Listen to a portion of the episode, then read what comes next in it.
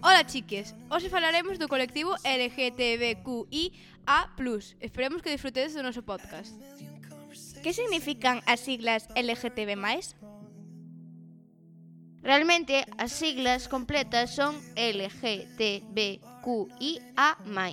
Úsanse as iniciais de algúns xéneros ou sexualidades. L de lesbiana, G de gay, T de trans, B de bisexual, Q de queer, e de intersexual e a de asexual ou a romántico, ou abro, entre outros, que empezan por A. O MAE refírese ao resto de identidades que non se engloban nas siglas, xa que se se incluísen serían moi longas. Non entendo a que te refires por xéneros e sexualidades. Déxame que te explique. Na LGTBIQA+, non só hai persoas amando a outras ou non amando a ninguén, tamén hai xéneros. As persoas non só se identifican co xénero masculino ou feminino, tamén están os do paraguas non binario, Pode ser muller, home, bixénero, panxénero, axénero, xénero fluido ou non binario, entre outros. As bandeiras teñen significados?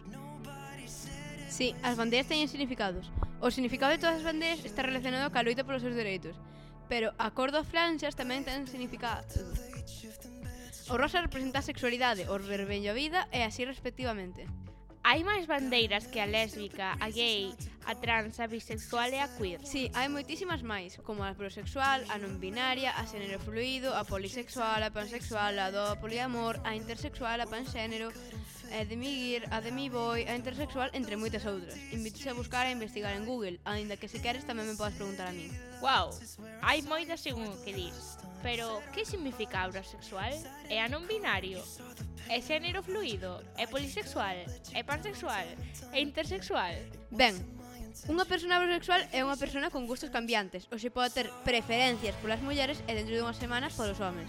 Unha persona non binario non se sente cómoda co, co xénero que a sociedade intenta impoñerlle. Unha persona xénero fluido adoita cambiar de xénero. Unha persona polisexual é unha persona que sente atracción cara a todos os xéneros, pero con preferencias. Eh, a un en concreto. Unha persona pansexual é unha persona a cal lle gustan todos os xéneros sen preferencia, se sen binarios ou non. Unha persona intersexual é unha persona que presenta conxuntamente carácteres sexuais masculinos e femininos. Parece que sabedes moito disto. Agora teño outra dúbida. Por que o Día do Orgullo é o 28 de xuño? Iso é fácil de explicar. O día 28 de xuño é o Día do Orgullo, porque esa data conmemoranse os disturbios que sucederon no ano 1969 en Nova York. Dende entón, ese foi o Día do Orgullo. Expandiuse con rapidez e logrou gañar forza alrededor do mundo, Mais, hai países onde pode ser arrestado ou incluso asasinado por conmemorar a data ou por pertencer ao colectivo. Falando diso, non hai personaxes LGTBQIA no cine? Esos personaxes teñen problemas? Sí, sí que hai personaxes dese tipo, tanto en series como en películas e libros. Por exemplo, Mauricio, de Aquí non hai quen viva, é gay, os personaxes de Alice Ousman, como Nick das novelas gráficas de Herstopper, que é bisexual. Pero tamén hai famosos da comunidade, como Freddie Mercury, bisexual, ou Jan Blad, pansexual e xénero fluido. Respondendo á segunda pregunta, tanto os actores como os personaxes formaron bulla nas redes por non ser estereotipo cis hétero. Que tan mala é a homofobia? Que provoca? O mundo está se actualizando, por así decirlo, pero habendo moita homofobia e, sobre todo, transfobia. É bastante grave e pode causar suicidios en certos cánceres. Sorprendentemente, hasta algunhas feministas din que as mulleres trans non son mulleres, xerando moito resintamento. Pero, como dixo unha vez Morgan Freeman, odio a palabra homofobia. Non é unha fobia, vostede non ten medo, vostede é imbécil. Que sabias palabras. Tamén hai transfobia na LGTBQIA+. Sí, sí que hai transfobia na LGTBQIA+. Moitos homes gays non queren os homes trans, moitas mulleres lesbianas non queren as mulleres trans.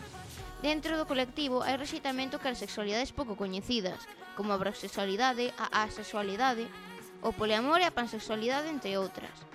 Sofren un rechazo decir que a xente abrosexual é realmente bisexual, que os poliamorosos son os infieles, que a pansexualidade non existe ou que os sexuais non son parte do colectivo. Aparte de que hai persoas da mesma comunidade que só apoien os transbinarios, é dicir, as mulleres e homens trans. Podo decir, por experiencia propia, que non é nada divertido escutar que che digan que só estás confundido ou que como tratan de defender a capa e espada a alguén que fixo ese tipo de comentarios. Pobres, son moi crueles ao rexeitar a xente igual que a eles. Escoitei que hai xente que din que as persoas da comunidade teñen máis dereitos. Iso é certo? Non, non é para nada certo. A xente da comunidade sofre, mentres que outros payases están sendo aceptados ao invalidar a outras identidades. Sobre todo cando din o só fai por moda, é para chamar a atención, e iso toca o que non está escrito.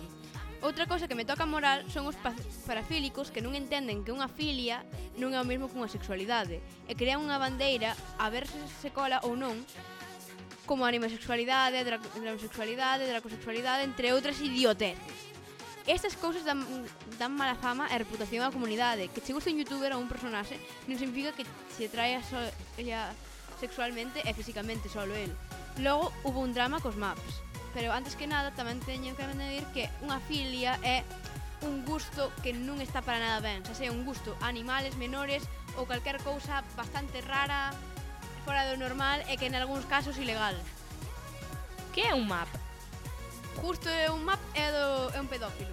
Xa que os pedófilos intentaron en 2018 entrar na comunidade. Fixeronse unha bandeira, chamáronse maps e a excusa de amor e amor intentaron entrar.